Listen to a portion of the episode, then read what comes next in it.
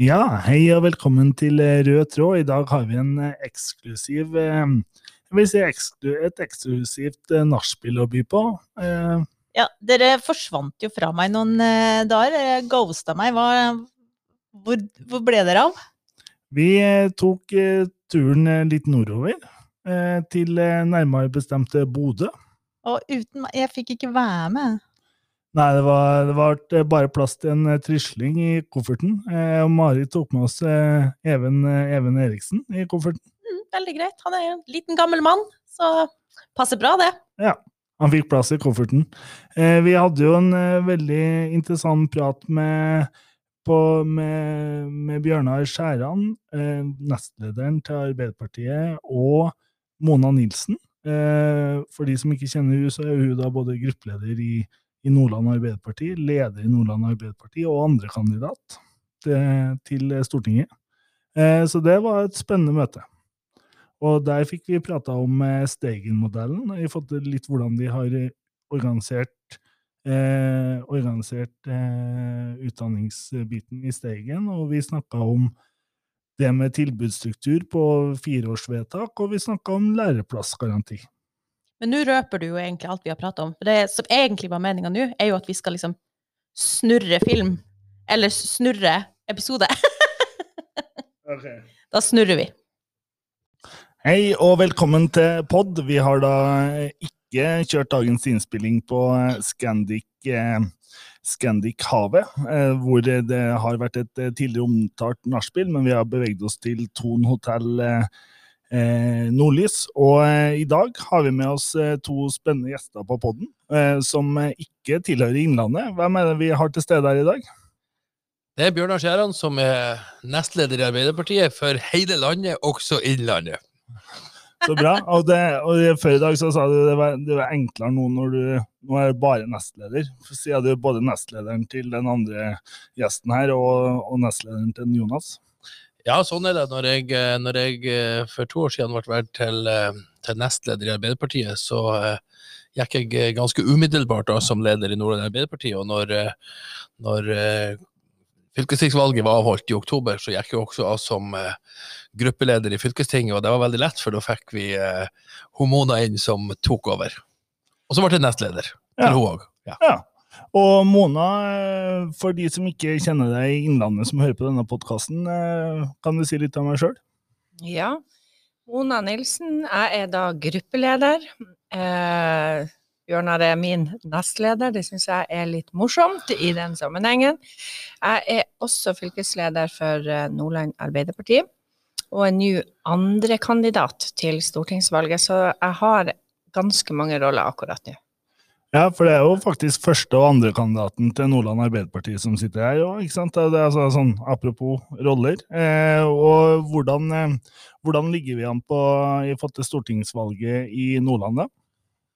Vi ligger, vi ligger for lavt. Eh, og det betyr at de, de siste meningsmålingene har vist oss at vi, eh, vi ligger inne med to mandater fra Nordland, sånn som det er nå i inneværende periode.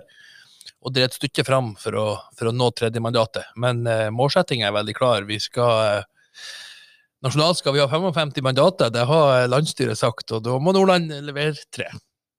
Så bra. Så da, da forsvinner begge dere til Oslo, da? Ja, det håper vi, og så håper vi jo at vi får han Øystein Mathisen, som da er vår tredjekandidat, eh, også med oss på laget. Så eh, vi skal jobbe beinhardt, vi er klar. Vi har bygd opp en eh, valgkamporganisasjon. Vi har lokalpartier nå som er motivert, og som er veldig klare. Og spesielt nå etter landsmøtet, også med alle de gode vedtakene, prosessene. Eh, så vi er absolutt klare, og vi er motivert. Hos oss er jo også Senterpartiet veldig stor, da. Så, så det er jo litt annerledes for oss enn for andre fylker. Men uh, vi er steinklar. Vi ligner jo litt eh, politisk eh, Nordland og Innlandet, med at Arbeiderpartiet har styrt sterkt der i veldig, veldig veldig mange år. Og så ser vi jo eh, framfor det her valget, sånn som vi har sett eh, i tidligere perioder, når Senterpartiet når Senterpartiet flyr høyt, så flyr de ekstra høyt i fylker som eh, Innlandet, Trøndelag, Sogn og Fjordane, Nordland og ja. Så situasjonen er litt, litt lik i Nordland og i Innlandet nå på målingene. Absolutt. Og en annen ting da, som er likt i forhold til Nordland og Innlandet, er at Innlandet vi jobber jo veldig mye nå med flere temaer innenfor utdanningspolitikk. Har jo en, eh, har en krevende, krevende, situasjon i forhold til videregående opplæring fordi at vi er så stort fylke. Vi er det mest spredtbygde fylket i Norge. Faktisk 10 000 kvadratkilometer større enn Danmark.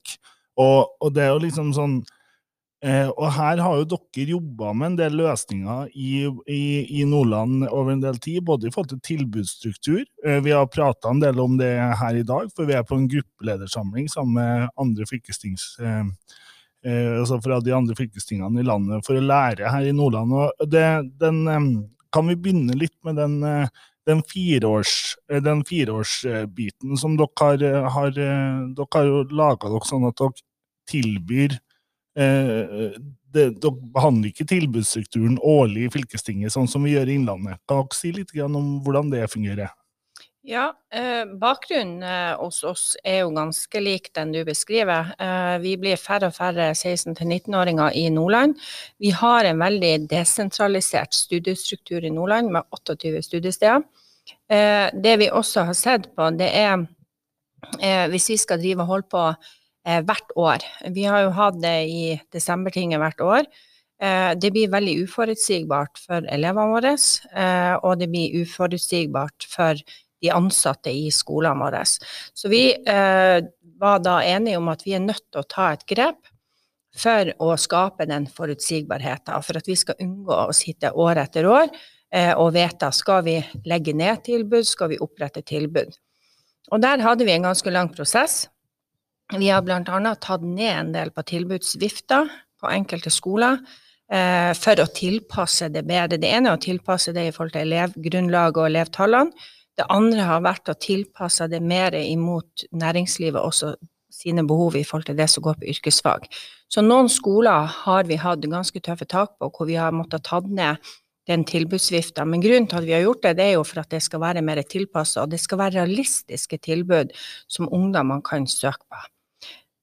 Ja, og det i forhold til det, altså, for du Bjørnar, sa jo litt i, i, forhold til det du sier der, da, at det skal være realistisk. fordi at det sa du en del om i dag, at dere har gjort en stor jobb i forkant for å få, få tilbudet ned til å bli realistisk. Da. For i Innlandet så har vi jo de siste åra, både i Oppland, gamle Oppland og gamle Hedmark, og nå i Innlandet, hatt årlige dragkamper hver vår på hvor det er nesten helt håpløst å lande hva som skal igangsettes og ikke, fordi at det blir så mye støy ut i så mange samfunn. Kan du si litt om de tankene? Ja, det som, det som er det viktigste elementet her, det er jo at vi må sørge for å ha et tilbud i videregående skole som sikrer at de elevene som begynner på videregående, og det gjør jo stort sett alle, skal ha en mulighet til å fullføre.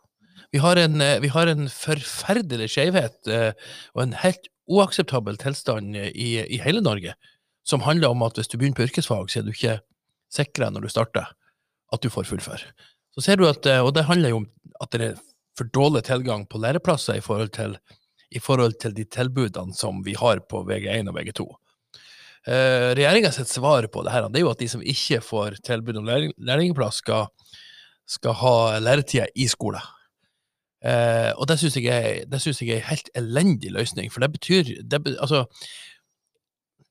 det betyr at de utviser på mange måter en mangel respekt for de fagene.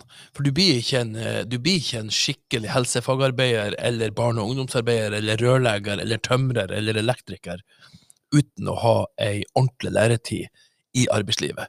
Det tror jeg, det tror jeg går an å forstå. Sånn at eh, det som vi har gjort i Nordland, det har jo hatt nær sammenheng med at vi vedtok i 2019 å innføre læreplassgaranti. Det som Arbeiderpartiet mm. nå går til valg på skal bli nasjonal politikk.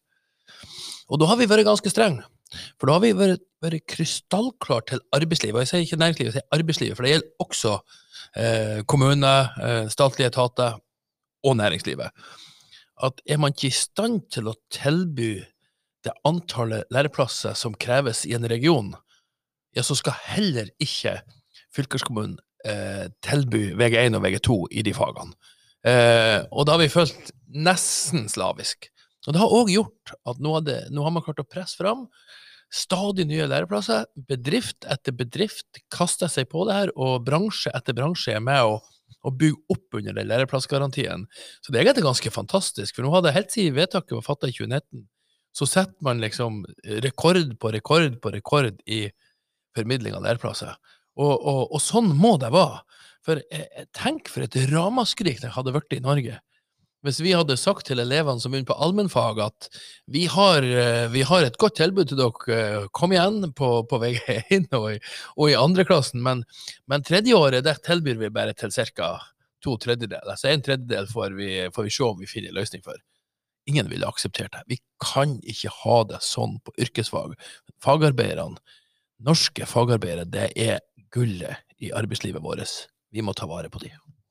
Det er jeg helt enig i, og Innlandet Arbeiderparti vi har også vært, hatt et tydelig vedtak i forhold til en læreplassgaranti. og det, og det er jo eh, og det som er jo spennende her, da, hvordan har dere da klart å hatt den dialogen med arbeidslivet? da, For, at, for å få til det vedtaket med tilbudsstruktur og kombinere det eh, for at det ikke skal bli skole skolelærertid, så handler det om et veldig aktivt samspill med, med, arbeidslivet. Hvordan foregår det i Nordland? Ja, Det foregår jo på den måten at vi har jo hatt en, en utdanningsråd som har gått i front på det her. Fylkesråd for utdanning som har, som har gått rundt med pekefingeren faktisk i en to-tre år før fylkestinget vedtok å, å innføre læreplassgaranti. Eh, og, eh, og, næringslivet har kasta seg på. NHO var motstander av det. Eh, usikker på om de er det eh, nå, da, men, men bransjeorganisasjonene har kasta seg på. Og i hvert et styrerom i Nordland, når man diskuterer strategier i bedriftene, så er spørsmålet om, eh, om det med læreplasser på bordet. Eh, og jeg tror flere og flere ser at kampen om denne viktige arbeidskrafta, den drar seg så til i framtida at de som ikke er på banen og får hånd om lærlingene, de vil stå og mangle den arbeidskrafta de trenger for at bedriften deres eller kommunen deres um, kan levere de, de tjenestene og, og, den produksjonen som man skal ha. Ja, og i tillegg så ser vi jo at bedriftene nå tar jo et større samfunnsansvar. Fordi at når vi sitter og jobber med tilbudsstrukturen um, og har innspillsmøter med næringslivet, så kommer de jo veldig ofte opp med de behovene. Behov for arbeidskraft i vår region. Eh, og da er de jo også eh, med å ansvarliggjøre at men ok, da må dere, skal vi starte en utdanning for ungdommene våre i denne regionen, så må dere også stille opp med læreplass og sørge for at de faktisk kan få fullført utdanninga. Og, og, akkurat den prosessen som Bjørnar beskriver, det gjør at de er mye mer bevisst nå på at vi kan ikke bare ønske oss den og den linja på den og den skolen, uten at vi sjøl også da faktisk stiller opp og sørger for at de får fullført utdannelsen sin det, den, det, andre grunnlaget for at vi, vi har gått såpass, såpass hardt til verks Mona har jo snakka om det med nedgang i antall elever osv. Men, men prosessen er jo sånn, og jeg tror det er ganske like i de fleste fylkene, at på, på høsten så vedtar man politisk hva som er tilbudsstrukturen i fylket. Altså den katalogen som elevene kan søke på. Og så når det kommer til våren, så er det administrasjonen som på bakgrunn av søk, elevene sin søkning vedtar hva slags, hva slags tilbud man kan igangsette. Eh, og hva man, selv om det står i katalogen, ikke kan igangsette. Og vi har valgt å ta det politiske ansvaret for å sørge for at det skal være størst mulig samsvar mellom de to.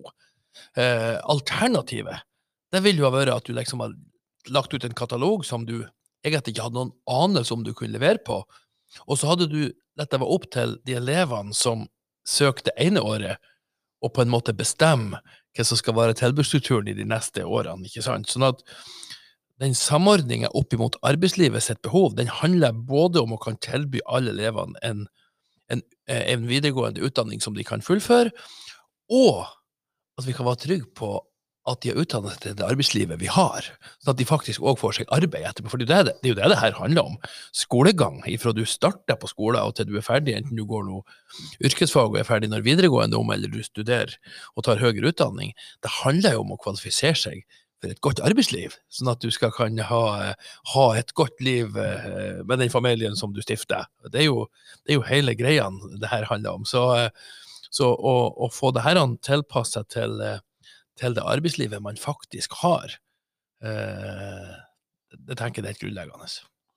Ja, det er grunnleggende, og det, og det er på en måte og det, Noe av det andre jeg blir litt nysgjerrig på da, når, når, vi snakker om dette med arbeidslivet, og, er jo sånn, og at de har kasta seg såpass på, da, den, både den læreplassgarantien og denne måten dere jobber på, er, altså I forhold til den fireårsbiten, da, er, er den med å sikre en helt annen forutsigbarhet i den dialogen med arbeidslivet, eller hva, hva eh, altså, litt, hvilke konsekvenser ser dere av, av den riggen av det? Spesielt eh, så vil jo det ha betydning innenfor yrkesfagene. Eh, fordi at det handler jo òg om hva er det næringslivet kan satse på. Det er jo forutsigbarhet for dem. sant? Både det skal de etablere seg, skal de utvide, skal de, eh, skal de ta imot lærlinger, så må de jo også vite at de vil ha tilgang over tid. Sånn at jeg vil jo si at absolutt så vil det være viktig. Eh, og jeg tror at næringslivet, de tilbakemeldingene vi har i hvert fall, det er jo at de skulle selvfølgelig ønske at katalogen var litt større. Det, det, det er ofte sånn at de ønsker seg enda mer. Eh, men de har en trygghet nå på at det meste av det som ligger nå inne i de katalogene, de vil vare i fire år. Det kan hende i verste fall at vi ikke får igangsatt det ene året, men det forsvinner ikke. Eh, sånn at da, da, kan det bli igangsatt året etterpå. Så det her gir en mye bedre forutsigbarhet for dem også. Og så gjør det mye større forutsigbarhet for skolene. Og skal du kan gi ei god opplæring, ja, så er det jo viktig at du har en forutsigbarhet som gjør at du kan bygge et godt fagmiljø. For, for, læring, enten du er på grunnskole eller du er på videregående skole, så er det jo helt grunnleggende hva slags lærekrefter du har, hva slags fagmiljø som, som skal gi denne undervisninga. Og det å, det å kan lage ei størst mulig forutsigbarhet rundt det, det gjør jo at rektorene, skoleledelsen rundt om på de ulike enhetene kan, kan planlegge godt, kan bygge et eh, fagmiljø som er så godt at vi vet at elevene får den beste undervisninga som er mulig for oss å gi. Og så er det jo en, eh, en annet tema som vi har vært innom i løpet av denne turen her i dag, eller i, i det, når vi har hatt eh, dialog i dag, og noe av det som er utfordrende i Innlandet, mm, som er et så spredtbygd fylke, er jo selvfølgelig dette med å kunne få gitt tilbud også i en del lokal nærmiljø som, eh, hvor, hvor, det kanskje ikke er nok ungdom til å gi en del tilbud. Og Der har dere prøvd dere ut på noe på Steigen. Kan dere si litt om, eh, om den Steigen-modellen og, og, og, det som dere har, har jobba med der? Mm. Ja, uh, Steigen-modellen var jo en helt egen modell eh, som går ut på at eh, de som søker, eh, de søker Studspes, så finner de seg sin egen læreplass, og så er de ute i bedrift eh, fra dag én. Eh, så har de fellesfagene inne på skolen. Det er ei ordning nå som vi kommer til å evaluere. Fordi det er viktig å kunne se på at det kan være enkelte tilpasninger, spesielt innenfor noen yrkesfag hvor du sannsynligvis ikke vil kunne noen gang klare å fylle en hel klasse, men at behovet er der, og det er lange avstander til neste skole.